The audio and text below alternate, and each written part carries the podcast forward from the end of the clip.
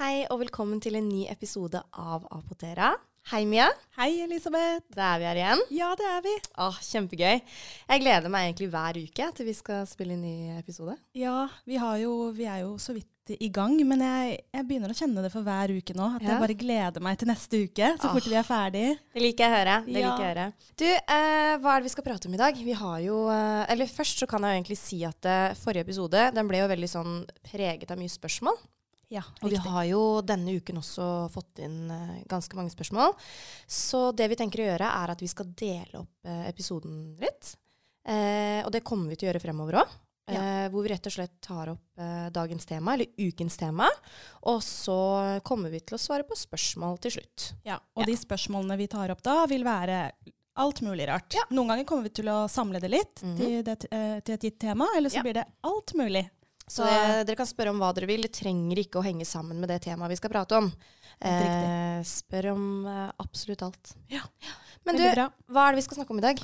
Du, eh, vi nevnte jo det forrige episode. Mm. Eh, og jeg må jo selvfølgelig gjenta det for de som ikke har lyttet på den enda. Ja. Vi kom til å snakke om eh, en vanskelig jul med spiseforstyrrelser. Så yes. det blir jo da spiseforstyrrelser i fokus. Mm. Og litt om hvordan det kan være for de i slike høytider som i jul, da, hvor det er veldig mm. mye mat uh, i fokus. Ja.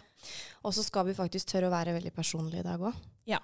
Og det er jo, jeg har jo tenkt litt på det her i forkant, at det er ikke et uh, enkelt tema. Men det er akkurat derfor vi har den podkasten her. For å snakke om, om både det som er litt enkelt, hvis man kan si det sånn, og mm. ting som er litt mer sånn ja, litt mer tyngre ja. eh, ting. Og jeg må bare si det med en gang at jeg er ikke noe ekspert på det temaet her. Men eh, jeg tenker at vi, vi, snakker litt om eh, litt sånn fakta og, mm. og, og også litt uh, ulike nyanser av det her. Og så ja. håper jeg at de som hører på, forstår at vi, vi, gjør det her bare for å hva skal jeg si, spre kunnskap, men også ja. sette det litt i fokus. Veldig bra. Mm. Så med det sagt så tenker jeg vi bare skal komme i gang. Ja. Ja. Er du klar? Det er jeg. Så klar som jeg kan få blitt. Ja, det er bra.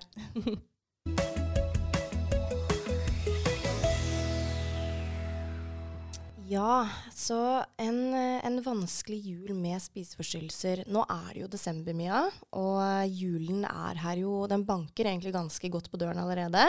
Det er mye annen mat i fokus, mye andre bakevarer i fokus, og for noen så er jo det her ganske, eller kan være ganske utfordrende.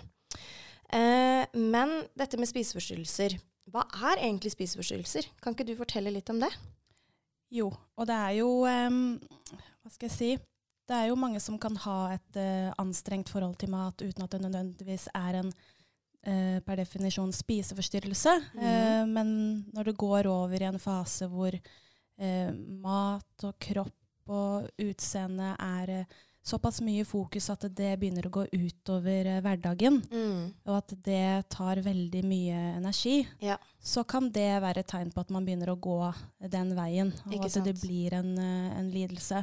Mm. Og en spiseforstyrrelse er jo egentlig en uh, psykisk uh, lidelse, sier ja. man. Mm. Men det som er forskjellen fra andre typer psykiske lidelser, er at det blir veldig fysisk. Altså ja, det går riktig. veldig utover det fysiske. Uh, og i verste, kan, verste, fall så kan det bli ganske alvorlig da, med at mm. man får uh, skader altså, mm. på kroppen som følge av det. Mm. Eh, og så kan man da eh, enkelt eh, dele opp eh, spiseforstyrrelser i tre ulike typer. Ja. Og det ene er jo da anoreksi. Ja. Eh, som går på at man da gjerne sulter seg og spiser veldig lite. Mm. Sånn veldig kort sagt. Mm. Eh, og så har du da bulimi, som går mer på at du gjerne overspiser. Mm. Og så kompenserer man da i etterkant ved å uh, gjøre ulike ting for å veie opp for det her. Da. Ja, det kan enten ulike måter å få maten ut på igjen. Ja, og da ja, finnes det ulike metoder. Mm, mm. Og så har du en tredje som ikke for meg er så kjent, så da måtte jeg bare se litt her. Og det er noe som heter overspisingslidelse, så det ligner egentlig litt på eh, bulimi. Mm. Eh, at man mister litt kontroll. Og at man da virkelig ikke klarer å stoppe da. Nei, at det blir liksom den veien. Ja.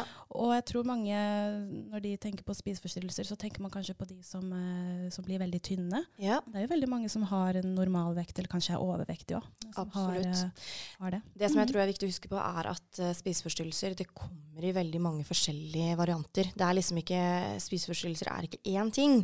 Og, og, det tror jeg er litt viktig å huske på, for det er som du sier at man tenker kanskje sånn med en gang på anoreksi, da. Når man Ja. hører om Og det er vel den mest vanlige. Men jeg er veldig glad for at du nevner det. Og det Mm. her er De tre kategoriene jeg nevnte nå, det er bare en sånn enkel kategorisering. Det finnes fins andre mm, varianter, og noen har flere av disse her også. Ja, Så ja. det er ikke noe sånn at det enten er enten-eller. Ikke sant. ikke. Men eh, hvorfor tror du egentlig at eh, eh, spiseforstyrrelser og dette med julemat, da, hvorfor tror du det spesielt kan være litt utfordrende? Eh, for noen så er det kanskje nettopp julen som gjør at de gruer seg. Eh, de gruer seg fordi de må spise sammen med andre. Eh, er, det, er det liksom noe spesielt ved julen som du kan komme på, da, som gjør at dette med spiseforstyrrelser blir litt ekstra vanskelig? Ja, jeg har jo tenkt litt på det her, og som jeg nevnte forrige gang, så bør man passe på at ikke alkohol blir for mye fokus Mm. under julehøytidene. Men at mat og hygge da Ja. gjerne bør være i fokus. Men Ja. det kan jo da bli ekstra utfordrende Ja, for de som har uh, utfordringer med, med matinntak. Og ja, når det, er, når det er veldig mye fokus på mat, og man da kanskje begynner å se litt ekstra på hvordan andre spiser eller ikke spiser, hvordan de forholder seg til maten, så kan det bli veldig ubehagelig for den, Ja. den som er midt oppi det. da. Hvis Ja. du får en kommentar da, fra et familiemedlem om at eh, skal du ikke ta en uh, kjøttkake til, eller Mm. hvorfor tar du ikke mer, eller, eller kanskje omvendt. Hvorfor, hvor, bør du kanskje ikke spise litt Ja, mindre? Sånne sant. kommentarer. Jeg vil bare Ja. si jeg tror de fleste mener veldig godt når Ja. de sier sånne ting. Det kan slå veldig galt ut, tror jeg. Absolutt. Og det skal vi også komme litt nærmere inn på etterpå. Um, fordi dette med spiseforstyrrelser er jo for veldig mange ganske tett uh, knyttet opp mot BMI. Og BMI, eh, Body Mass Index, ehm, har det jo vært et veldig sånn stort fokus på. Jeg tror du og jeg, vi er en sånn eh, Jeg vet ikke om jeg skal kalle oss BMI-generasjonen, det blir litt feil. Men jeg husker fra jeg var liten, i hvert fall, eh, til jeg ble voksen, egentlig, så har liksom det fokuset på BMI, da, eh, fremfor kanskje alt mulig annet som også er viktig. Det har liksom vært et veldig fokus på BMI. Kan du fortelle hva BMI er? Hva er eh, egentlig det, og hvorfor er det så mye fokus på det? Ja, du nevnte jo i stad at det står for Body Mass Index, og på Mm. norsk kroppsmasseindeks. Og sånn Mm. veldig kort forklart så er det på en måte eh, Hva skal jeg si Det er da sammenhengen mellom din høyde og din vekt. Mm. eh, som da slår ut i, i et uh, spesifikt BMI-tall. da. Ja, ja. Og så har du ulike nivåer eh, som du definerer som undervektig, normalvektig eller overvektig. Ja. Eh, og så har man da ulike da, tall som definerer det Mm, her. mm. Men den vil jo ikke si noen ting om hvordan du er bygd opp. La oss si at en har veldig mye muskler og trener mye, og Mm. er ja, kanskje ganske sunn, da. Så kan Mm. jo BMI-en være litt høyere enn hos en som som ikke har så mye muskler. Ikke så den, det, det er ikke noe Det er en liten indikasjon, og det blir jo brukt i medisinen når man skal vurdere, men det er ikke et tall man bør ha altfor mye fokus på. Nei, for det er jo noe som jeg Ja, det er jo noe jeg husker at det var veldig sånn inn en periode. Å, hvor høy er du? Hvor mye veier du? La oss eh, regne ut BMI-en din. Ja, det er veldig enkelt å eh, Ja. slå det inn på, på nettet, og så Ikke kommer det de opp et tall. Ja, ikke sant. Og så er det jo dette her med julematen, da. Er det noe man liksom bør ha dårlig samvittighet for å spise mye av? Er det noe du Altså, for det er jo, det er jo som jeg sa litt sånn innledningsvis, det er jo en annen type mat enn det vi får i oss eh, ellers eh, i året. Eh, I hvert fall jeg er ikke vant med å spise julemat året rundt. Eh, for meg er jo det Det hører julen til. Og eh, hva er det liksom med julematen som er så annerledes med den maten vi spiser ellers? Er det noe Burde man ha dårlig samvittighet? Altså For å si to ting. Det første er ja, altså julemat er jo ikke nødvendigvis den sunneste maten i verden, men det er 365 dager i året. Ja. Og de dagene du spiser julemat, det har ganske lite å si Mm. uh, for eh, hele det året. Ikke Tenker jeg, men- ja. Jeg tror kanskje mange glemmer det litt. At det hvis du Det er jo så trist hvis du ikke Ja. bare kan nyte det de dagene. Men Mm. eh, nå er jo det mer generelt, da. Har Mm. du en spiseforstyrrelse, så er jo tenker jeg, Da kan det fort bli utfordrende hele året. Ikke da er det ikke bare i jula når det kommer til maten i seg selv. da. Så det er jo en oppfordring fra oss at man egentlig bare skal kose seg. Det er som du sier, eh, året har 365 dager, og eh, julen utgjør en veldig liten del av det totalt sett. Det og da, når man først skal kose seg med julemat, så, så bør man kose seg. Men eh, vi skal selvfølgelig også komme litt tilbake til det her at det er mye enklere sagt enn gjort. Men jeg har lyst til å gli litt grann over i, eh, i spiseforstyrrelser, og hvordan dette har blitt eh, faktisk dekket i nyhetsbildet den siste tiden. Ja.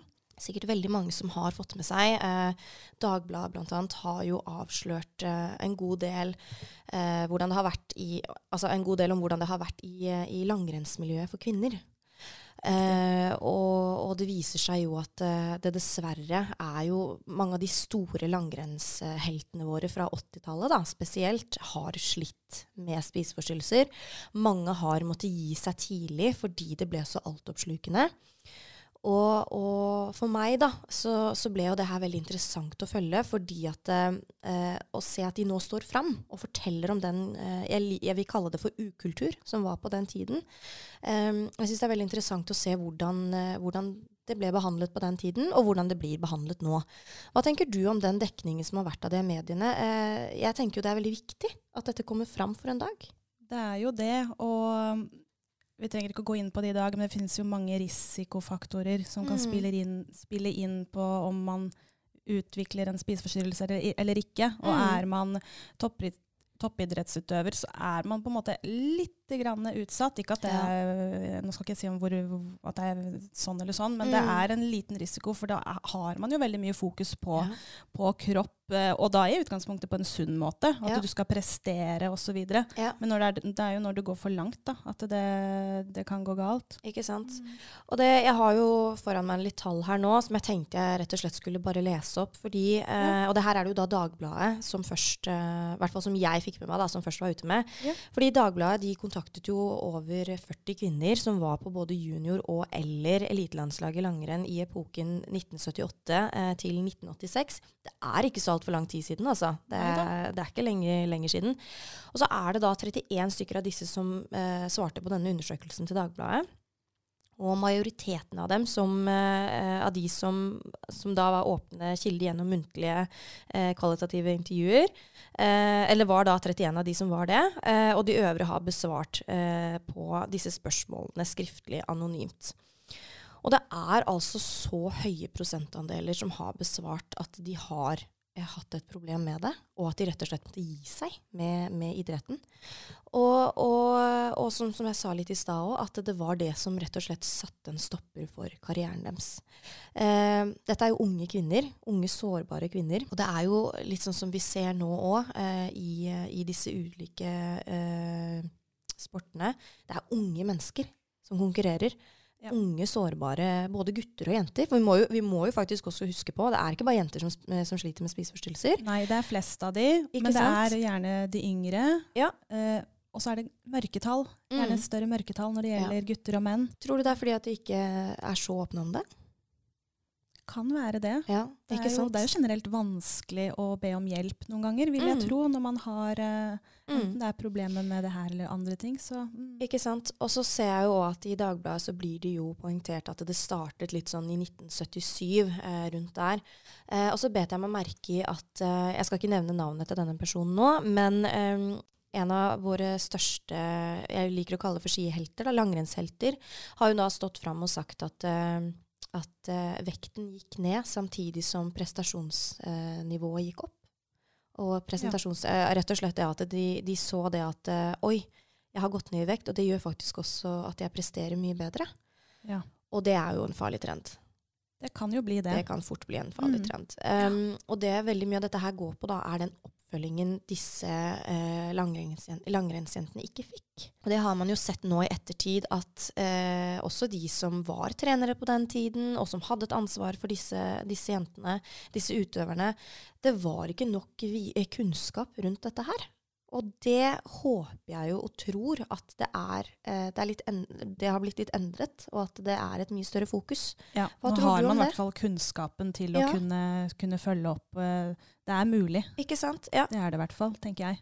Og det å få tidlig og god hjelp, det er jo kanskje det som er alfa og omega i, en, i sånne type saker. Og Mia, vi skal uh, tørre å gå litt grann, eller egentlig ganske personlig til verks i dag. Ja, vi har jo uh, snakket om det her, uh, mm. vi to. Mm. Uh, og blitt enige om at vi tenker det her er fint å gjøre. Mm. så det her er jo gjennomtenkt, da. Ja. tenker jeg at det, det er ganske gjennomtenkt. ja. Det er greit ja. å bare nevne det i ja. starten. Mm. For det som er, er at vi har jo med oss i studio noen som faktisk har slitt veldig med spiseforstyrrelser, og det er meg. Jeg eh, har eh, vært alvorlig syk i mange, mange år. Jeg er ikke alvorlig syk lenger nå, det må jeg understreke. Jeg må også understreke at uh, den måten jeg opplevde spiseforstyrrelser på, og anoreksi, da, uh, kan være helt annerledes enn noen andre. Så mine erfaringer, og det jeg deler her nå, det er mine erfaringer. Og det er ikke, det er, det er ikke sånn at det gjelder alle. Og det tenker jeg er litt viktig å understreke. Ja, og det er ikke det som er poenget heller. Ikke sant? Men det, er, det kan absolutt hjelpe, tenker jeg, mm, å dele mm. det. Ikke sant. Ja. Så Mia, eh, jeg har jo gjort litt research, og jeg har også prøvd å tenke tilbake på hvordan det selv var for meg da, da sykdommen eh, brøt ut for min del. Eh, jeg kan jo kanskje kort fortelle litt hvordan det ut, uh, utarta seg i starten. Gjerne det. Uh, ja. Kan du fortelle sånn cirka når det her begynte for din del? Ja. Sånn uh, som du kan huske? Jeg var veldig ung. Jeg var typ 12-13 år. Det som var, da, og som jeg også ønsker å understreke, er at det er aldri noen som har sagt til meg at Elisabeth, du burde slanke deg. Eller Elisabeth, du ser litt tykk ut. Eller sånne ting. Uh, dette var en fiks idé jeg fikk, eh, fordi jeg jobbet som eh, klesmodell da jeg var liten. Barnemodell. Og så var det Og de, de, var veldig flinke, de jeg jobbet med. Det var aldri noen kommentarer der heller. Men så var det en fotograf som egentlig bare skulle komme med et kompliment. Men som jeg eh, rett og slett tror jeg tolket litt feil. Fordi hun sa at eh, oi, du kan jo nå langt. Eh, det er ikke så mange modeller som, som, er så lave som det du er, men du kan fortsatt nå langt. Det var en eller annen sånn kommentar. Og da fikk 12-13 år gamle Elisabeth en fiks idé om at hvis hun går litt ned i vekt, så vil hun kanskje se mye høyere ut. Og det vil se ut som at hun har mye lengre bein enn det hun egentlig har. Så det var egentlig sånn det begynte. Um, og, og, så det var ingen som sa til meg direkte, uh, heller ikke indirekte, at jeg burde gå ned i vekt, men jeg fikk en fiks idé. Og, og, det var jeg selv også som faktisk tok kontakt og sa, uh, sa til mine foreldre og helsesøster på, på, skolen at jeg har et problem. Og det syns jeg er uh, veldig fint å høre. Altså, det er jo ikke Det er ikke en selvfølge. Nei, det, ganske, det kan være ganske vanskelig ja. å be om hjelp. Ja. Ikke sant. Så um, Mia, vi har jo et, eh, et, punkt på planen vår her som omhandler dette her med hva er det jeg burde gjøre, eller hva burde man gjøre når man kjenner at maten begynner å bli problematisk? Uh, og hva er det de rundt burde gjøre? Hva tenker du om det? Ja, jeg tenker Vi kan starte med hva en selv kan gjøre, hvis mm. man begynner å merke at ok, her er det et eller annet som, eh, som ikke er greit. Mm. Eh, og så vil jeg kanskje nevne noen sånn konkrete eksempler på ja. når er det ting kanskje ikke er helt greit. For det er ikke alltid så lett å vite. Så jeg har, eh, kan ramse opp litt her, bare noen utvalgte ja. punkter. Så flott. Eh, og det ene er eh, hvis du da ja, hvis du kan svare ja på noen av disse punktene her, så kan det være verdt å se litt nærmere på. Og det ene er er vekttapet ditt uh, viljestyrt? Mm. Eh, bekymrer du deg over hvor mye du spiser? Mener du at du er for tykk, selv om andre sier at du er for tynn? Mm. Er du veldig opptatt av mat og telling av kalorier? Unngår du å være sammen med venner eller å bli med på andre sosiale aktiviteter som da gjerne er med mat eh, involvert? Mm. Og siste er jo da ganske så konkret. Kaster du opp etter måltider? Og jeg må bare si at mange av disse punktene her trenger ikke å ha noe med at du har et, uh, har et spiseproblem, men det er punkter som da er verdt å se litt nærmere på. Og det viktigste å gjøre da, er jo å be om hjelp. Og når det da gjelder de rundt, da, så er det jo Jeg tenkte litt på det i sted, så jeg kan jo ta mm. det nå når det gjelder ja. sånn i jula, f.eks. Ja. Hvis du eh, tenk deg litt ekstra godt om før du kommer eh, med en sånn velment kommentar om at ja. kanskje noen skal spise litt mer eller spise litt mindre. Mm. Jeg tror ikke det er så lurt å ta det da. Nei. Og hvis du faktisk er bekymret, så bør du heller snakke med vedkommende i en annen setting. Ja. Ikke ikke rundt middagsbordet. Det er ikke nødvendigvis det som er fasiten, men jeg mm. tror virkelig på at det har noe for seg. Ja. Uh, ja, og at mm. du tar det opp på en rolig måte. Mm. Og så er det jo uh, når man uh, altså når man liksom sitter ordentlig i det og føler at du, alt er håpløst Det eneste jeg har kontroll på fordi For min del så handlet dette med anoreksien om at det var det her jeg kunne kontrollere. Um, og det var ingen som skulle komme og ta fra meg den kontrollen. Riktig. Ikke sant? Eh, og det er beintøft å gi fra seg den kontrollen.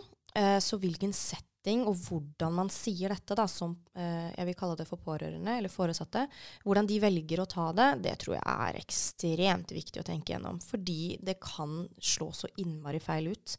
Eh, personlig så, så gikk jeg ikke så veldig i en sånn forsvarsposisjon, fordi det var jeg selv som sa ifra. Men jeg vet eh, fra andre jeg har pratet med, og, og, og, og som jeg har hørt liksom Ja, hvordan var det egentlig dette utartet seg?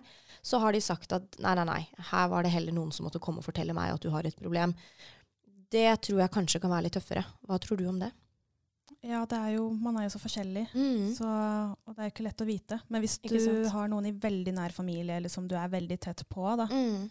Så kanskje man får et inntrykk av hva den personen trenger, uten at de kanskje vet det selv. Ikke Men sant? Um, nei, det her er ikke lett, altså. Nei. Ja, for dette med spiseproblemer, da. Eh, det er jo en veldig kompleks problemstilling. Det er veldig vanskelig å vite hva man burde si, eh, når man burde si det, litt sånn som jeg sa i stad. Og så er det jo også sånn at man faktisk kan si ting som gjør at det blir verre.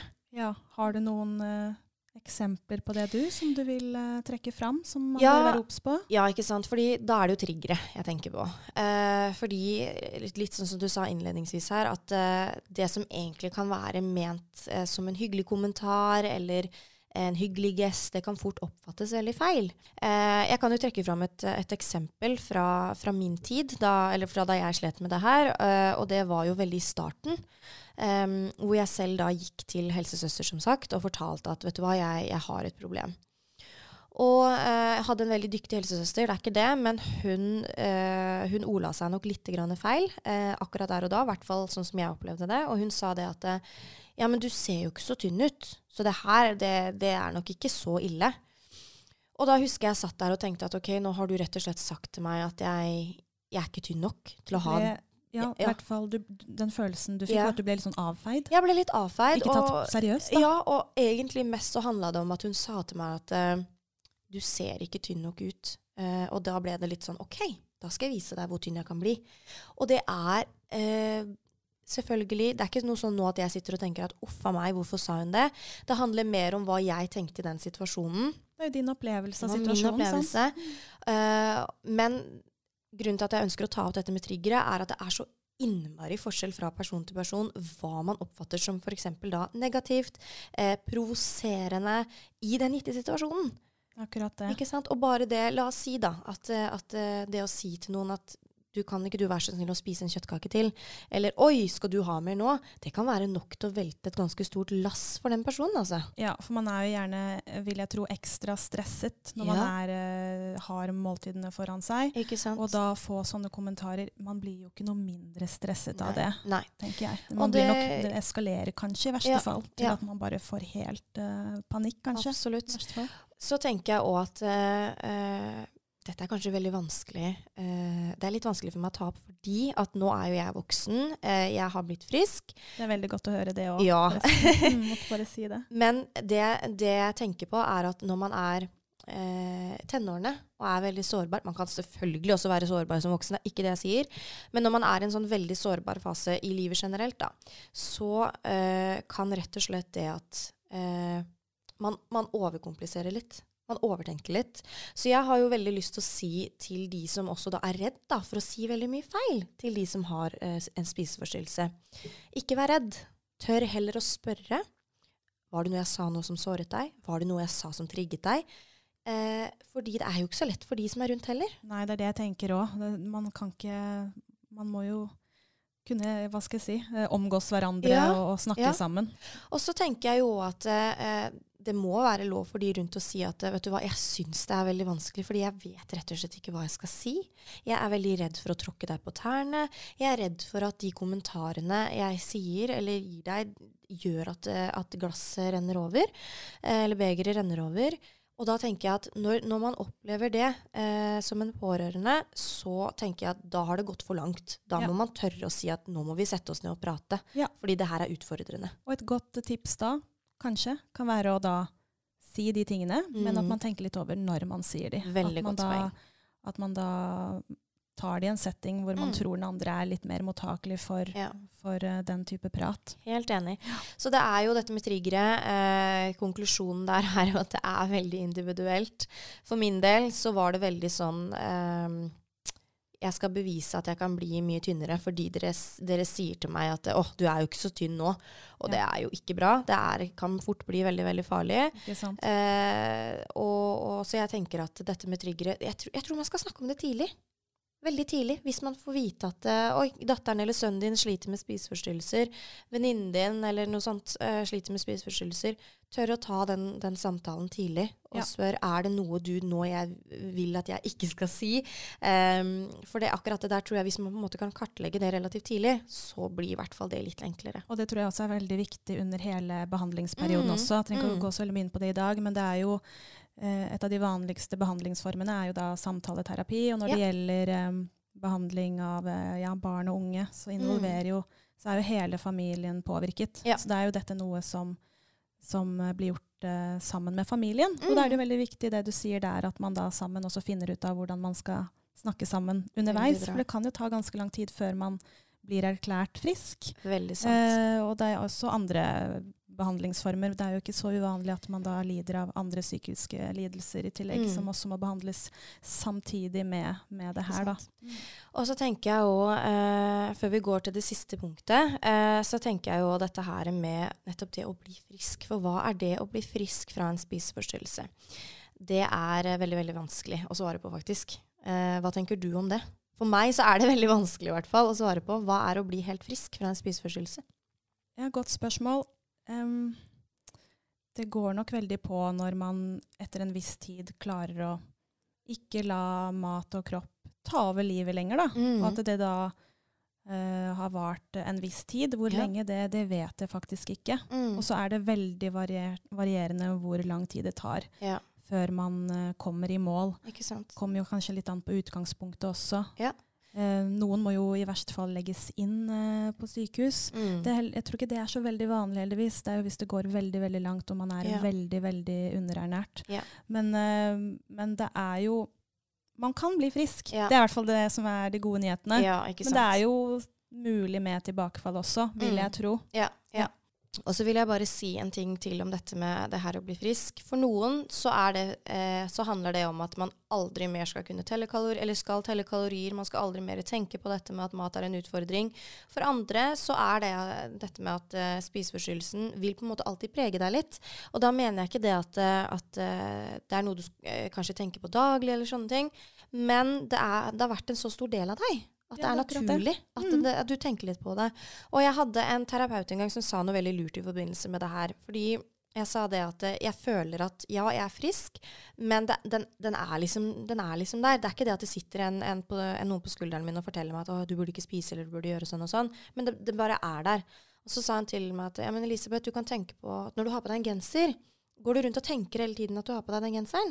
Eller er det sånn innimellom at du kjenner at oi, den klør litt, eller oi, der skled den litt opp? Og så ble jeg litt sånn I alle dager, hva er det du skal fram til nå? Så sa han det med spiseforstyrrelser er kanskje litt det samme. At du, du har den på deg, eh, men den dominerer ikke mer. Men du, du har den på deg innimellom, og du husker på den innimellom. Jeg syns det var en fin måte å beskrive det på. Så egentlig. det er, det er litt sånn som Det er min opplevelse av det. Jeg er ikke den personen som på en måte har klart å Jeg har lagt det vekk, det er ikke det. Men den, den er fortsatt med meg fordi det har vært en så stor del av meg.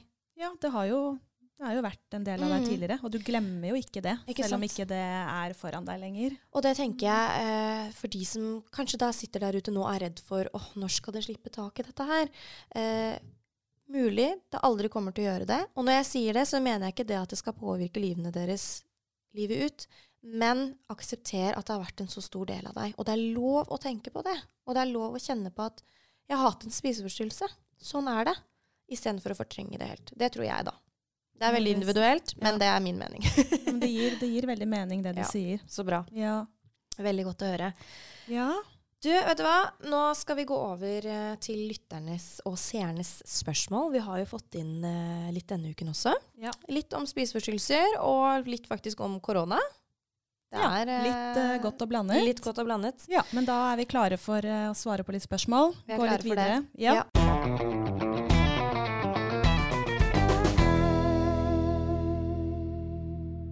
Ok, da kjører vi på med spørsmålene, Mia. Eh, hei, Apotera. Jeg bor hjemme hos mamma og pappa, og jeg tør ikke å si at jeg har en spiseforstyrrelse. Hva gjør jeg? Veldig godt spørsmål. Ikke noe fasitsvar her, men det jeg umiddelbart, umiddelbart tenker er Hvis du syns det er veldig vanskelig å ta det opp med de først, så er det jo mulig å snakke med noen andre. Mm. Kanskje du har en uh, helsesykepleier på skolen, eller det finnes jo også fine nettsider hvor du kan uh, ta kontakt Ja. anonymt. Så vi kan jo linke til uh, et av de Det kan vi gjøre, vet du. under denne episoden her. Mm. som er, Og på YouTube, selvfølgelig. Ja. Ja. tenker jeg vi kan gjøre. Men ja, det er um, Det er ikke lett, men Nei. de er jo glad i deg, De er det. tenker jeg. Og det kan være at de reagerer Det er vanskelig å vite hvordan de reagerer første gangen, men det er Mm. veldig viktig å be om hjelp. Det er det viktigste du gjør, altså. Ja, og for mange så er det nettopp det her med, sånn som jeg sa i stad, dette med kontroll, at man skal tørre å gi fra seg den kontrollen. For det er det veldig mange føler på når de deler det med andre. At oi, nå er det noen andre som vet om dette. Skal de prøve å ta fra meg kontrollen? Um, så min oppfordring er, sånn som du også sier, Mia, hvis du ikke tør å prate med mamma og pappa om det først, ta det med en helsesøster, en god venn som du stoler på. Kanskje noen ganger det kan hjelpe å snakke med en lærer, f.eks. Eller sjefen din, hvis det er i en jobbsituasjon. Eh, men i dette konkrete tilfellet her, så tenker jeg at eh, selvfølgelig, det er skummelt. Det er skummelt å åpne seg, men tør å gjøre det, for det vil føles så mye bedre etterpå. Du vil jo ta kontroll over livet ditt ved å dele det også, tenker jeg. Ja. Mhm. Neste spørsmål. Hei, Mia og Elisabeth. Jeg har flere venner som vet at jeg sliter med spiseforstyrrelser, men de er dessverre ikke noe flinke til å tenke over kommentarer de slenger rundt seg. Jeg vet ikke hvordan jeg bør ta det opp med dem. Har dere noen forslag? Ja, og det kan jo være ganske vanskelig. Det Mm. skjønner jeg veldig godt. Og ganske vondt kanskje innimellom, selv om de mest sannsynlig bare mener godt. Da er vi litt tilbake til det med trigger igjen, ikke sant? Ja, og da jo- tenker ja. jeg i hvert fall én ting, og det er å ja, Det er jo noe med å tørre å, å sette seg ned og ta en prat med de, Ja. og kanskje si rett ut vet du hva, 'Jeg syns ikke det her er greit'. Mm, Det mm. er ikke sikkert de forstår det. Ikke Hva sant. tenker du? Har du noe hva, hva ville du gjort, tror du? Ja, hva ville jeg gjort? Uh, jeg tror nok at uh, Fordi hvis man bare avfeier disse kommentarene over en lengre tid, så er det veldig sannsynlig at det begeret kommer til å renne over til slutt.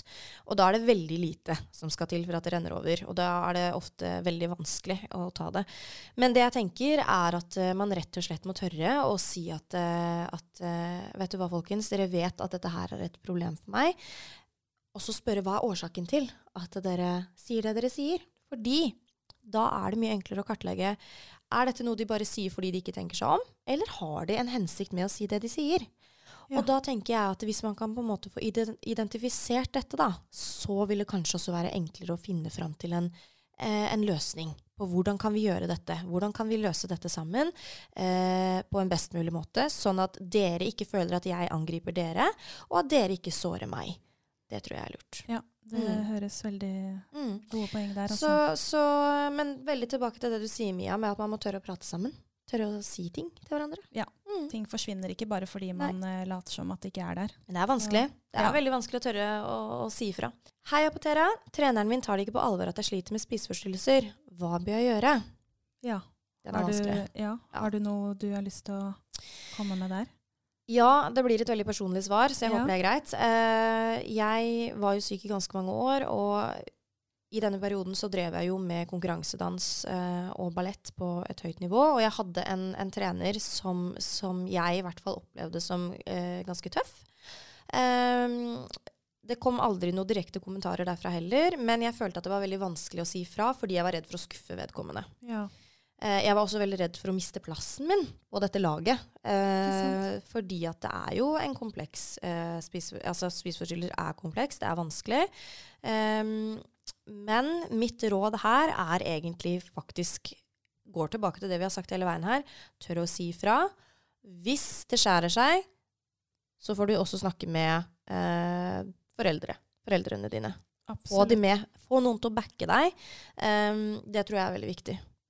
Ikke vær redd for å liksom få med deg folk. Fordi at det, folk vil jo som regel ditt beste.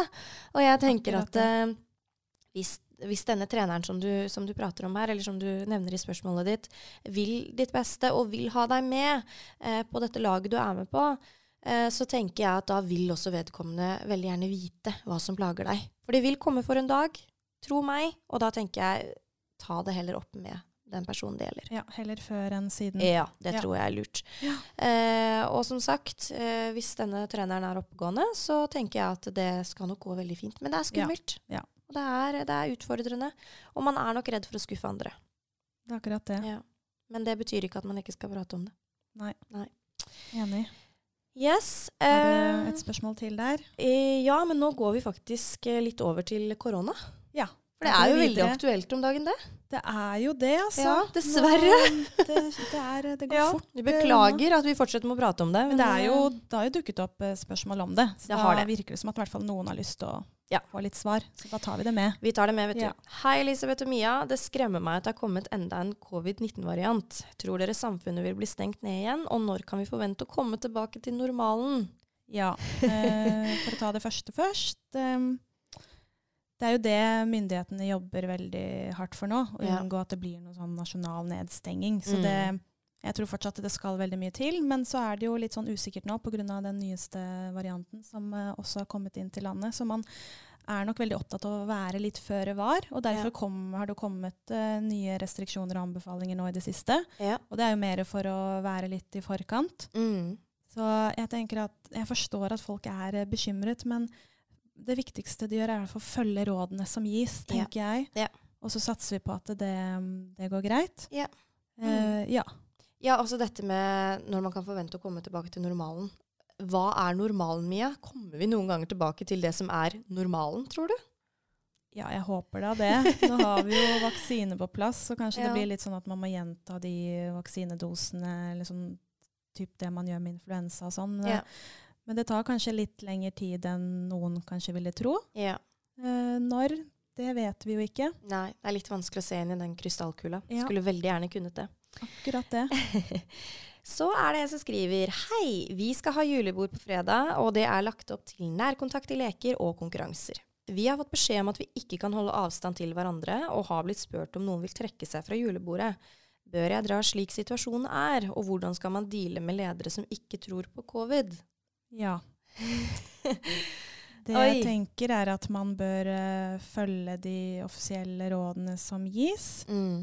Men det å legge litt sånn ansvar over på den enkelte ansatt, det er jo Jeg syns det er litt dårlig det er litt altså. dumt. Man, Ja. bør jo, man bør jo ha gitte regler man går for, som gjelder Ja. for alle. At man Ja. enten uh, avlyser i verste fall, eller at man Mm. eh, dropper visse aktiviteter som gjør at man må være nær på. Mm. Det er, det, det er kanskje bare det jeg vil si om det. Har du Ja. noe å legge til? Ja, det her er vanskelig. Jeg syns jo egentlig det er ganske dårlig gjort, uh, også fra lederen sin side. At det på en måte, sånn som vi snakket om i forrige episode, det skal være rom for det meste. Altså. Det skal være rom for å si fra om ting. Og, og det føler jeg ikke det kanskje er i, den, i det tilfellet her. Eh, I tillegg så sier jo vedkommende nå at eh, det er en leder her som ikke tror på korona. Ja, og det er jo også da Det gjør jo ting litt eh, vanskelig. For Ja. da vet man kanskje at den lederen ja, ikke oppfører seg og gjør de tingene Mm. som man kanskje burde gjort. Og så føler man seg utrygg, ikke sant? Ja, det kan Ja. man jo fort gjøre da. Man blir mer etterlatt til den enkeltes avgjørelser. Ja. Så det er jo ikke så veldig heldig, da.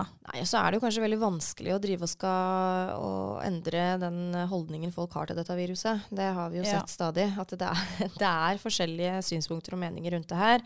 Så eh, mitt råd er ikke, ikke bruk for mye energi og prøve å få denne personen til å tro på korona, for da tror jeg du har en veldig stor arbeidsoppgave foran deg. Ja. Men, men jeg syns jo absolutt at det må gå an å si fra at dette er ikke greit. Det må det være lov, og det må være rom for å si fra om det. Veldig trist å høre at det, noe som egentlig skal være veldig koselig, eh, blir så ukoselig. Ja. Ja. Helt enig i det, altså. Ja, det er det. Siste spørsmål, som ikke har noe med verken spiseforstyrrelser eller eh, julebord og korona å gjøre. Eh, det er rettet til meg. Det syns jeg er veldig koselig. Ja, Um, hei, jeg bare lurte på hvordan Elisabeth får så sykt glow i ansiktet.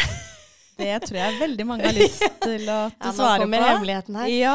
Du, vet du hva? Eh, Det er veldig gøy å få dette spørsmålet her, fordi at jeg er jo en person som har slitt med huden min i alle år. Så eh, jeg har et veldig enkelt svar på dette her. ja. Finn hudbleieprodukter som eh, passer deg. Rens huden din morgen og kveld, og så jukser du litt med highlighter i kinna. Det, det likte jeg. Veldig gode, veldig gode tips.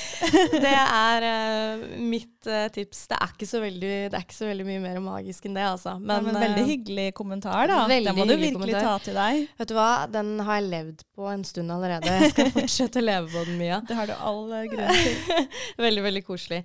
Så med det sagt, uh, still gjerne spørsmål. Eh, uansett hva de handler om, så lover vi å ta de opp. Ja. Trenger som sagt ikke å ha noe å gjøre med det temaet vi sier vi skal prate om.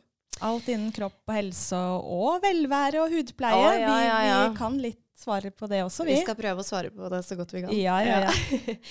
du, jeg tenker vi skal runde av der. Men Mia, neste uke eh, så skal vi prate om kjønnssykdommer. Ja, Er du klar? riktig. Ja. Ja. Vi må forberede oss. Vi har jo valgt at vi eh, skal snakke om det her. Jeg tenker at vi, vi er klare for det. ja. Ja. Og så har vi Jeg kan jo avsløre nå at vi har en veldig gøy nyhet å avsløre neste torsdag. Ja, jeg syns det er veldig vanskelig å ikke kunne dele det allerede Ja, nå. Men vi har fått beskjed deg om at du- vi må vente litt. Vi må vente litt, Ja. men vi gleder oss veldig. Dere må bare følge med. Ja, det blir Ja, men det har vært veldig, veldig fint å snakke med deg i dag, som Takk. alltid. Likeså. Om, eh, om eh, liksom vanskelig tema. Men eh, ja. Jeg synes det er veldig, og så syns jeg det er veldig fint at jeg kunne få lov å dele dette, og at du syns det var greit at vi prata om det, fordi det kan jo være vanskelig for den andre parten òg. Og oi, dette er jo litt spesielt, eller dette er litt vanskelig å prate om. Eh, så tusen takk for at jeg fikk lov å dele min historie. Du, takk selv. Det viktigste for meg var at du var eh, trygg i valget ditt. Ja. Tusen takk, Mia. Og med det så tror jeg vi rett og slett skal takke for i dag. Eh, følg med. Hver eh, eneste tirsdag så kommer det en ny episode tidlig om morgenen.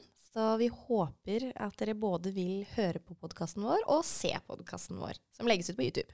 Da snakkes vi og Det høres vi neste uke. Ha det! Ha det!